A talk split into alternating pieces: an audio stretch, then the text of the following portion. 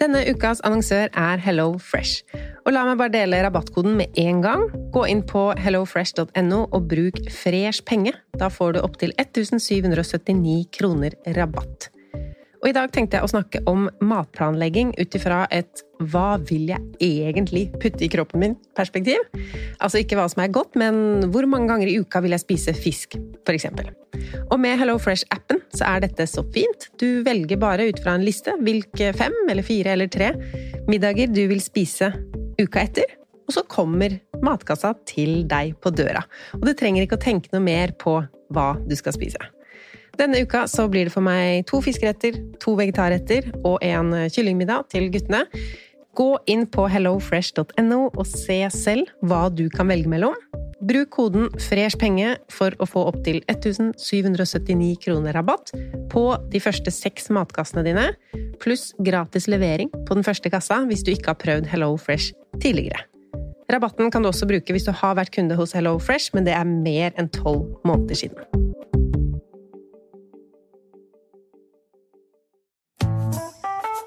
Har du et enkeltpersonforetak eller en liten bedrift? Da er du sikkert lei av å høre meg snakke om hvor enkelt det er å sende faktura med fiken. Så vi gir oss her, fordi vi liker enkelt. Fiken superenkelt regnskap. Prøv gratis på fiken.no. Velkommen til Kjemperådet! Vi har fått inn et kjempeproblem her. Jeg leser. Jeg er på ferie med familien. Det er gøy, bortsett fra at jeg har gips på begge beina. Kan ikke bade eller dra noe sted. Jeg føler meg veldig begrenset. Hilsen begrenset far. Begrenset far trenger ubegrensethet. Yes. Ja, Kanskje ubegrenset data fra 399 med familierabatt hos Telenor? Ja, det løser jo alt! Bortsett fra det med badingen, da. Se nye mobilabonnement på telenor.no. Yes!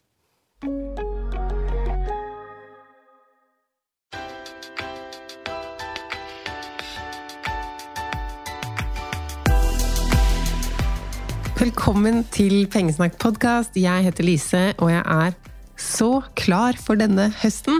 Dette er jo episode to. Dere har hørt en episode, men den spilte jeg inn før sommeren. Så dette er starten på min podkast-høst, denne episoden her.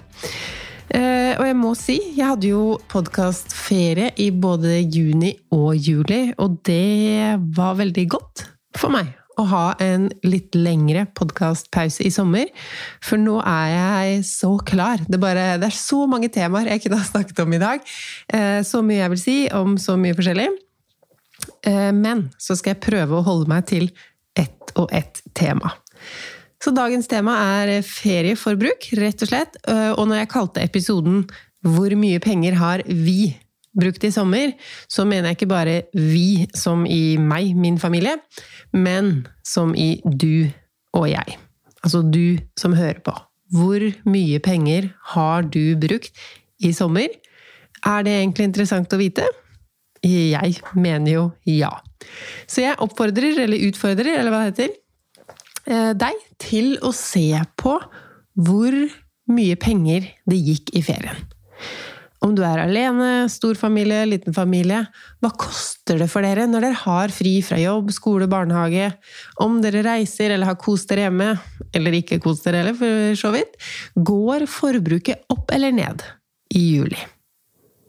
Det er mye gøy vi kan kikke på når vi har tallene på forbruket, så finn fram kredittkortregninger og bankutskrift.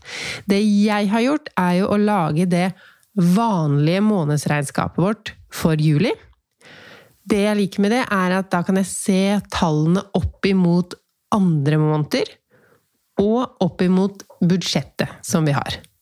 For én ting er å se sånn Ok, vi brukte 10 000 kroner på mat i juli, men det sier meg kanskje ikke så mye hvis jeg ikke vet hva vi vanligvis ligger på, eller om jeg ikke vet at jeg har et mål på 8000 som sikkert burde vært 9000 når jeg tar høyde for de økte matprisene, men ikke 10 000. Ikke sant? Og er det første gang du lager regnskap over noe som helst, så er det bra å gjøre denne øvelsen nå bare for juli. Da får du også bestemt deg litt for hvordan liker du å gjøre ting. Altså skal du ha få kategorier, mange kategorier? Skal det være for bare deg? Hvis du er i en familie som meg, da skal jeg ha med alt, eller skal jeg kun ha Lise sine egne? Skal jeg gjøre det digitalt eller på ark? Sånne ting. Eh, og så er det bra å se på ferieforbruket, fordi da har du en referanse til senere. Det skal vi snakke mer om. Og så er det kanskje sånn at du får noen aha-opplevelser. Oi, jeg bruker jo mindre penger på ferie enn når jeg er hjemme. Nei, da måtte du hatt eh, noe regnskap fra tidligere å se deg opp imot for å kunne få den uh, aha-en der. Men for eksempel Oi, jeg kjøper mye takeaway om sommeren. I tillegg til det juliregnskapet jeg har laget, så har jeg laga et eget ferieregnskap for den uka vi var i Danmark. For da var jeg nysgjerrig på hva koster det oss, en familie på fire, å være en uke i Danmark med uh, alt. Alt det vi gjorde. For det er lett å tenke at ferie, det er transport og overnattingskostnader. Mens det jeg vil at du skal ta med, uh, det er alt. Transport til toget, ikke bare togbilletten. Eh, eller toget til flyet, ikke bare flybilletten, båten eller hvordan du nå reiste. Det er jo kult å si sånn at flybillettene koster bare 300 kroner, det ble så billig eh, ferie. Men ta med tog, taxi, alle utgifter. Det du spiste på Gardermoen, shoppa du noe på taxfree, all mat, suvenirer, utflukter, badeland og tivoli. Nå tror jeg tydeligvis at alle som hører på, er i barneskolebarnalderen, men du skjønner. Inkluder alt. Så la oss starte med å gå gjennom min danmarkstur først, mens du tenker på hva er det du vil se på. Har du ingen feriereiser, så kan det være greit å ta måned for måned, sånn som vi også vanligvis gjør. Så vet du i hvert fall, når du sier 'vi brukte null kroner på ferie fordi vi var hjemme', at det faktisk stemmer. For det kan jo hende det har blitt eh, noen ekstra utflukter, noen ting dere har unnet dere fordi det er så billig ferie i år, eh, men at det kan ha blitt ganske mye. Men jeg skal ikke spekulere, det skal jo du få se på dine egne tall etterpå. Grunnen til at jeg ville se på kostnadene for denne danmarksturen med guttene mine, og guttene mine er altså da mannen min på 46, gutt på 7 og en gutt på snart 3, det er fordi Uh, først og fremst fordi jeg visste at dette var dyrt. Det var en dyr reise, det var et dyrt opplegg. Uh, men jeg ville vite nøyaktig hvor dyrt. Uh, ikke bare for å kunne si om det var verdt det eller ikke. Det var verdt det. men for å se på en helhet. Så mye koster det for oss når vi drar på en sånn type ferie. Så mange middager spiser vi ute på en uke, selv om vi har kjøkken og mulighet til å lage mat på hytta. Og da kan vi også bruke de tallene til å sammenligne opp imot en sydenferie, f.eks. Vi kan sammenligne med å være på vår hytte. Vi har rett og slett eh, et referansepunkt ved å ha disse tallene. Og apropos referansepunkt, jeg gjorde jo dette i fjor også. Da var vi på to uh, kortere reiser. Vi var en tredagerstur til Dyreparken. Den kasta oss 16 000 kroner. Og så var vi på en tredagerstur til et sommerland i Sverige. Det kosta oss 9000 kroner. For der var det en del forskjeller. Det ene var på hotell, det andre var på en camping. Um, men vi har tatt med alt i begge regnestykkene, med alt fra lading av bil til kjøp av is. Så hvis vi tenker danmarksferien, seks overnattinger, uh, så burde vi jo kunne bare plusse. Ikke sant? Den 16 000 kroner, 9000 kroner. Det ville blitt hva blir det? 25 000 kroner. Og hvis vi tar Det som er spesielt i år, er at den danske krona som jeg, eh, og jeg tror mange med meg, tenker at ja, den danske krona er jo ikke helt lik den norske, men det er jo ikke så langt unna. Nå er jo kursen sånn at vi må gange med 1,5. Så hvis jeg hadde hatt eh, budsjettet mitt på 25 000, tenkt at fjorårets ferie, årets ferie, det koster det samme, det er seks overnattinger, eh, og det var jo litt det samme vi gjorde, som fornøyelsespark-type ting, Ganger med 1,5, så får man 37 500. Så stor er kursforskjellen, faktisk. Hva brukte vi på disse seks nettene i Danmark eh, med reise? 35 708. Så kan man jo lure på hvordan greier man å bruke 35 000 kroner på en uke? Så det skal jeg fortelle deg nå. Eh, la oss begynne med reisen. Vi tok båt Tur-retur med mat. Um, det kosta 4000 kroner. Jeg har runda av summene litt her, for at det skal uh, være enklere å få med seg summene når jeg sier de. Så båt tur-retur 4000. Lading av bil 500 kroner. Overnatting, der må jeg ta med liksom overnatting og aktiviteter, fordi vi bodde på noe som heter LaLandia. Det er en sånn hyttelandsby, sånn campinghytter, men litt større enn det. Det er ordentlig innlagt vann, det er kjøkken, det er bad, to soverom. Um, men når man overnatter på en av de hyttene, så har man med inngang til LaLandia-senteret, som er et gedigent badeland med masse sklier, det var sånn bølgebasseng, eh, alt mulig gøy, til og med badstue som jeg kunne sitte i. Um, I et kvarter kunne jeg sitte der. Det var sånn lekeland, Leos type sånn klatre og sklier og sånn. Det var trampoliner, det var minigolf, bowling, klatrevegg, altså underholdning, leker Altså, det var mye. Um, og så betalte vi litt for strøm og vann uh, og utvask, men det er med i den summen her. Man kunne jo velge å gjøre utvasken selv. Det gjorde jeg i fjor når vi var på en sånn campinghytte i Sverige. Men da var det sånn ett rom med to køyesenger, det var ikke innlagt vann. Nå tenkte jeg jeg vil ikke stå der nede i Danmark tidlig på morgenen og vaske to soverom, en stue, et kjøkken, et bad. Um, det hadde jeg ikke fått gjort nøye nok. Um, og jeg hadde ikke kost meg med det. Så da betalte jeg for utvask, men jeg tok med eget sengetøy. For det kunne man jo også leie der. Sengetøy og håndklær. Men det tok jeg med. Prisen for seks netter ble 18 500 kroner. Så det var den største delen av summen. Det å bo der og ha tilgang til alt det vi hadde. Men grunnen til at vi valgte å dra til Billund i utgangspunktet, var jo fordi vi skulle til Legoland. Så vanligvis så ville jeg jo ikke tenkt det var på et sånt eh, sted med badeland og bowling og alt gøy man kunne gjøre. Jeg lurer på om det er en annen fornøyelsespark jeg kan besøke her og betale enda mer for å gå i. Eh, men det gjorde vi da. Det var jo først og fremst Legoland vi skulle til, og da hadde jeg jo ulike alternativer. Vi kunne bo på hotell. Det som hadde vært deilig da, var jo frokosten, mm, men det koster jo også penger. Og da hadde vi ikke hatt det kjøkkenet vi nå hadde, som vi brukte en del til lunsj og de fleste middagene. Så hva blei det? Billettene til Legoland kosta 2400 kroner. Og der er også et sted man merker kursen. Nå husker jeg ikke hva det danske beløpet jeg betalte var, men det var i hvert fall mye mindre enn 2400 kroner. For dette er også kun for oss tre største. Minstemann er under tre år, og da kommer man gratis inn.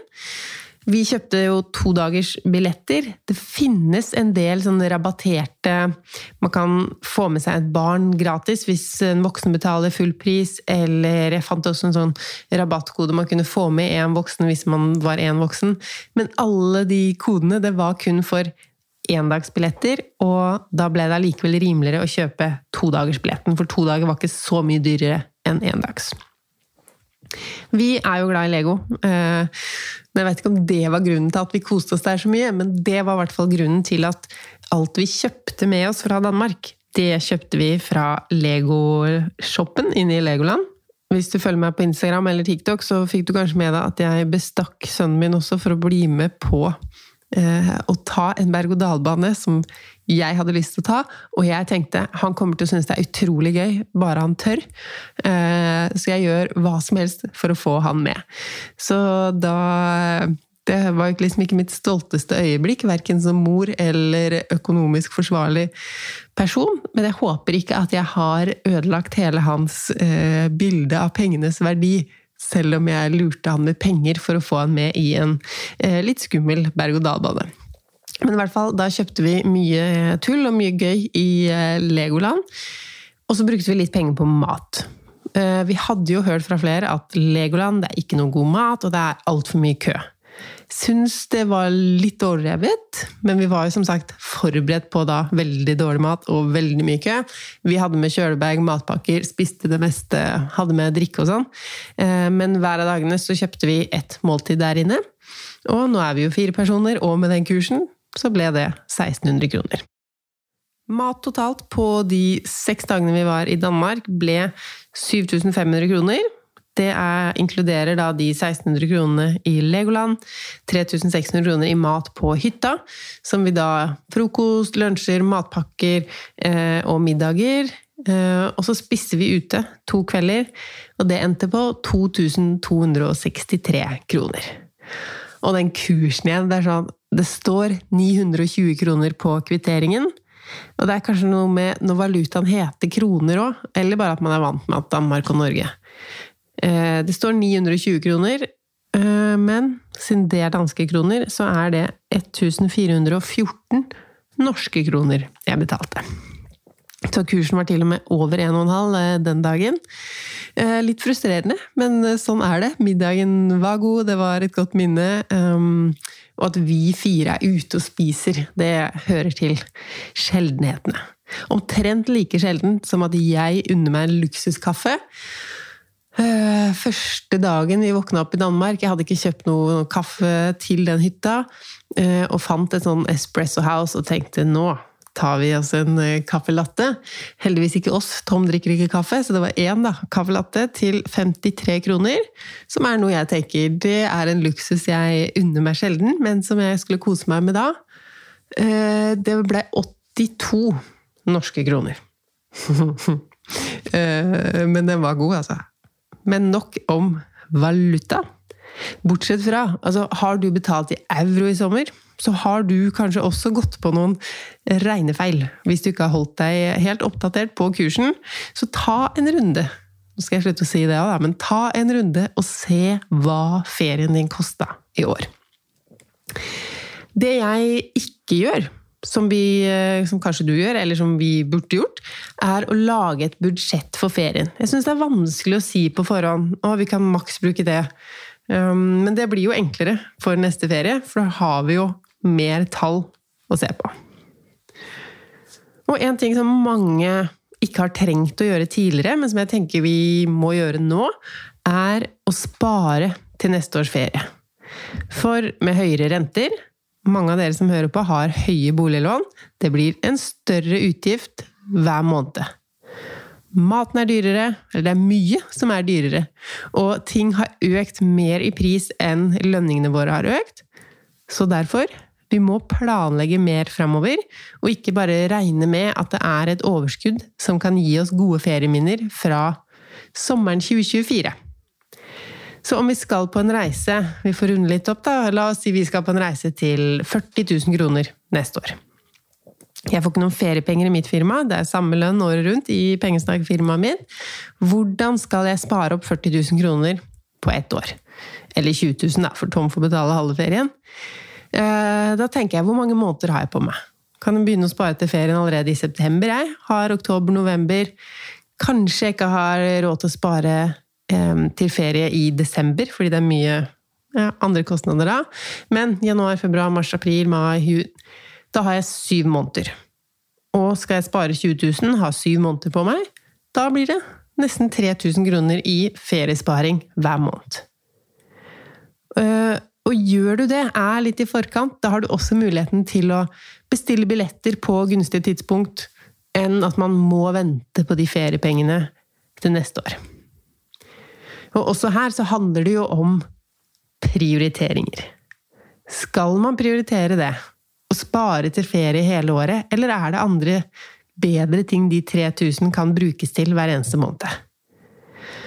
Har man mulighet til å bruke det på ferie i det hele tatt?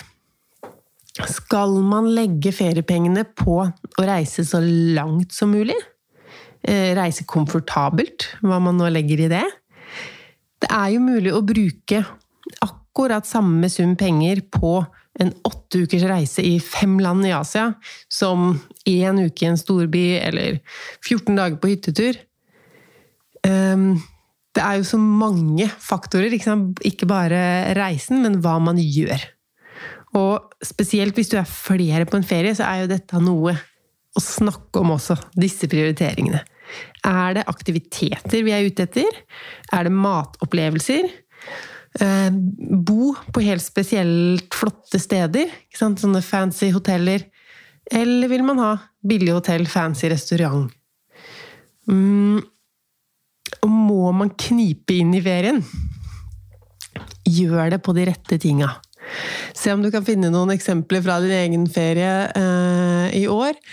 Om du gjorde noe på en måte feil. Om du brukte mye penger på noe du burde bruke lite på, øh, eller om du brukte lite eller ingenting på noe du burde ha brukt penger på. Jeg skulle fly med Tom en gang, dette er nå mange år siden. Eh, Tom hadde bestilt billetter til meg og svigermor og seg, og valgt bort mat på fly. Og han hadde jo ikke fortalt det til oss andre, som da satt på en fem timers flyvning uten matpakke, uten mat på flyet, og endte jo da med å kjøpe noe som sikkert var dyrere, og ikke godt engang på det flyet. En annen gang så var jeg på tur med mange eh, til en gresk øy. Vi landa midt på natta. Skikkelig slitne. Det var med sånn kvelds-natt-flyvning. To av oss skulle spare inn på Altså ikke jeg, men to andre. Skulle spare inn på antall hotellnetter. Og hadde derfor ikke noe rom den natta. Eller formiddagen etter, for den saks skyld. Sparte sikkert noen hundrelapper på det. Men i hvert fall jeg, der og da, ville betalt tusenvis for en seng på et rom. Så tenker jeg det er mange andre steder å spare inn, enten det er før turen, for å ikke tenke på det på turen, men også småting eh, og større ting òg på turen. Ta med deg din egen vannflaske på flyplassen, eh, så du slipper å handle langs veien eller på dyre kiosker. Å finne ut av buss- eller T-banesystemet der du er, istedenfor å ta taxi. Det gjelder spesielt deg som har valgt en sånn billig flyvning, som er da på en flyplass litt lenger unna sentrum. Da er det dyrt med taxi. Så tenk helhet, og ikke spar på det du kommer til å sette mest pris på.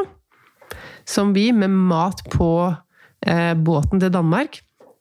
Når man betaler for den buffeen der, så betaler man like mye for et sikra sted å sitte under hele turen. Og slippe å måtte Å, vi må komme oss tidlig i ferjekøen, så vi kommer tidlig om bord, så jeg kan løpe inn fra bildekk for å kapre noen seter der det er lov å spise matpakke. Altså, det hørtes jo faktisk ut som noe jeg kunne gjort. Eh, men denne familieferien så ville jeg ha mindre stress og kunne holde fokus på det som var viktig. Og da var det veldig deilig å ha det bordet reservert og kunne spise der. Vi måtte jo uansett spist et eller annet på turen. Og så er det jo en smart ting å snakke om nå. Hvis du reiser med samme gjeng, samme venn eller samme partner.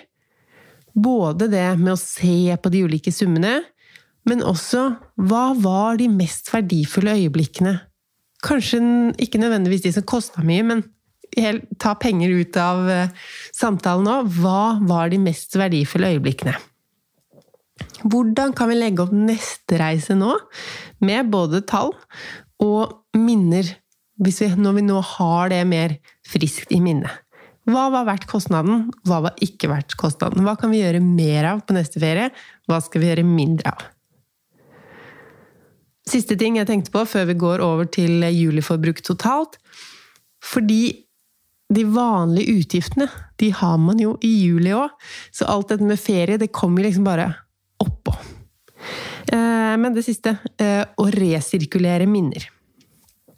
Og det handler om å glede seg over ferieminnene etter at ferien er over. F.eks. i form av å få bildene fra mobilen din over på papir eller fotobok. Eller hvis du er som meg og tar en del filmsnutter, lag en eh, Jeg lager nå en holdt på å si YouTube-film, men jeg skal ikke på YouTube, men en film, da. Eh, bare for å vise til familien min om Danmarksturen. For å ha de snuttene samla i én film.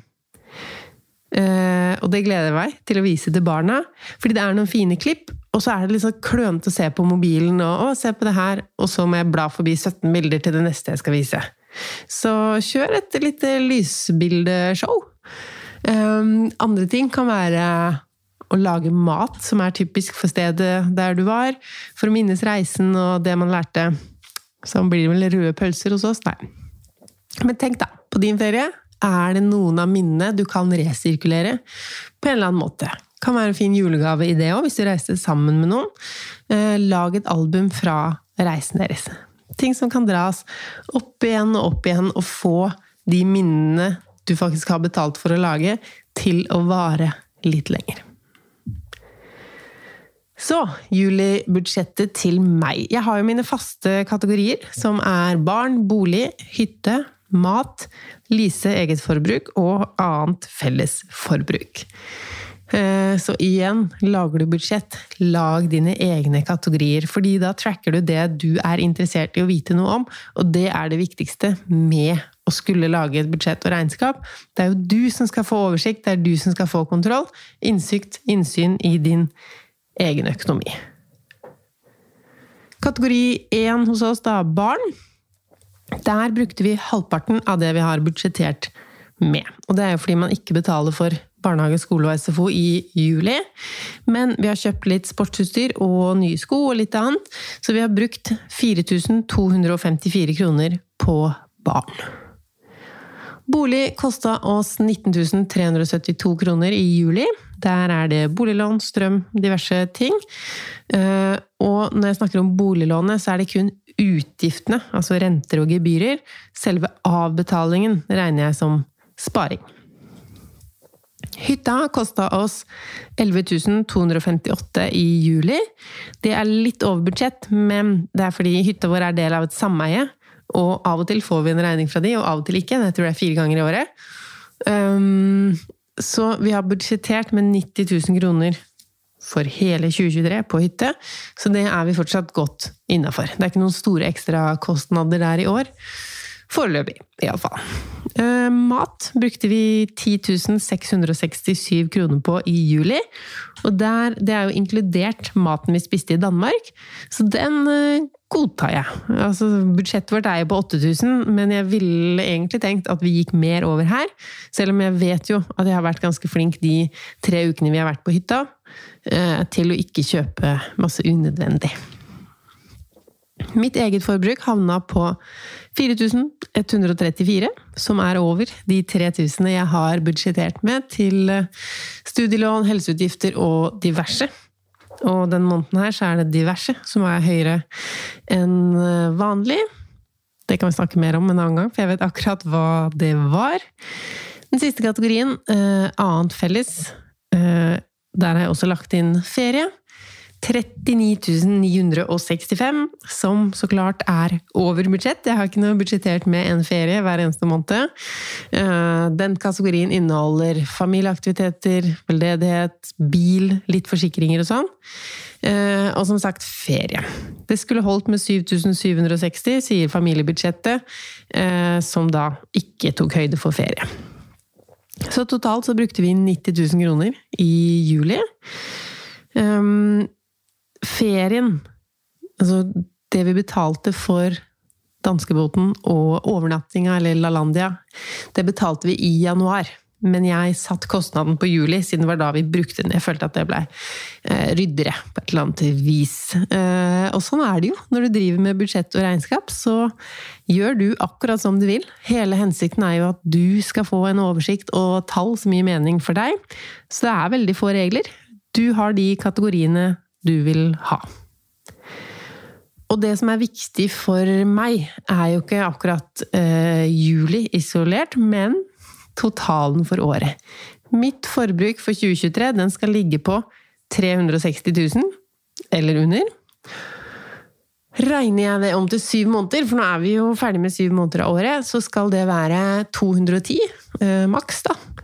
Fordi 360 000, det er 30 000 i måneden, og ganger det med syv, så blir 210 000 målet jeg måler meg opp mot nå. Eller budsjettet. Og da er det jo snakk om min del av alle utgifter i familien, øh, og de mitt eget, det der Lise eget. Og jeg har brukt 210 000, akkurat. Og 13 14 000 på ferie. Så jeg ligger litt bak, eller over, heter det, over budsjett eh, etter ferien. Hadde jeg ikke dratt på den ferien, så hadde jeg vært akkurat spot on på budsjettet. Um, hva skal jeg gjøre da? Jeg har jo fem måneder å dele det tapet ut på. Så kanskje jeg må gjøre det sånn at Eller det blir vel riktig å gjøre det sånn at istedenfor at jeg har 30 000 i månedsbudsjett framover, um, så må jeg trekke av litt. Fem måneder 13 000 um, Da blir månedsbudsjettet mitt på 27 325. ja, i hvert fall litt under 30 000 da, for å hente igjen det her ferietapet, som det føles rart å kalle det for et tap, for det var jo eh, på en måte planlagt um, og veldig hyggelig. Hatt en fin ferie, og det håper jeg du også har uh, hatt, dyr eller billig. Og for deg som lurer på oppussing, kanskje sett på Instagram at jeg installerte nye vinduer i hele kjelleretasjen i sommer. Um, hatt uh, håndverkere her. Og det koster. Og all oppussing holder jeg en egen oversikt over, som jeg ikke har med i dette familiebudsjettet eller de 360 000 jeg skal bruke på forbruk i år. Oppussing er liksom en egen. Vi låner ikke penger til oppussing. Åh, jeg har mye å si om oppussing. Kanskje det må bli en egen episode om det når vi kommer litt nærmere ferdigstillelse. Og grunnen til Um, det kan jeg bare si kort. Grunnen til at jeg ikke blander oppussingkostnadene inn i det forbruksoversikten, det er litt fordi at jeg ikke har lyst til å miste begrepet om penger. For det er fort gjort når man betaler 150 000 for vinduer og dører. Eh, og så tenker jeg å, jeg skal ikke unne meg sushi til kvelden. Det virker veldig som en sånn rar eh, liksom, Det høres for dumt ut. Men samtidig så er det jo riktig at bare fordi man har store utgifter, så betyr jo ikke det at de mindre beløpene ikke teller. Og så er det sånn at Tom og jeg deler på boligen 40-60. Istedenfor at vi eier huset 50-50, så eh, eier Tom litt mer enn meg. Og så vanligvis når vi har pussa opp, og alt som vi har gjort her i andre etasje, det har vi delt 50-50 fordi vi regner med å bo her så lenge at alt det vi har fiksa, blir utdatert igjen. Um, men når vi faktisk bygger på en helt ekstra etasje, så vil vi jo fortsatt beholde den delen 40-60, men at det øker verdien på huset når vi øker med såpass mange kvadratmeter. Så da syns vi det er riktig å dele oppussingskostnadene på kjelleren 40-60. Hvis det made sense. Eh, men det var jo ferieforbruk vi var på. Finn ut av dine tall. Jeg skal også lage en egen hyttepodkast eh, med litt om utleie, mest om hyttekjøp, har fått en del spørsmål. Um, og også hvilke kostnader vi har med vår hytte. For jeg tenker jo sånn Å, vi har hatt billig ferie i tre uker og dyr ferie i Danmark den ene uka. Så um, for de tre ukene var vi på hytta. Men hytta er jo også en dyr ting. Så det blir neste episode med bare meg. Da skal vi snakke om hytte. Neste uke får jeg besøk i studio, så det kan du glede deg til. I episodebeskrivelsen har jeg lagt en link til Instagram-kontoen min. Hvis du vil ha litt mer oppdateringer og eh, pengesnakk fra meg, så følger du med der.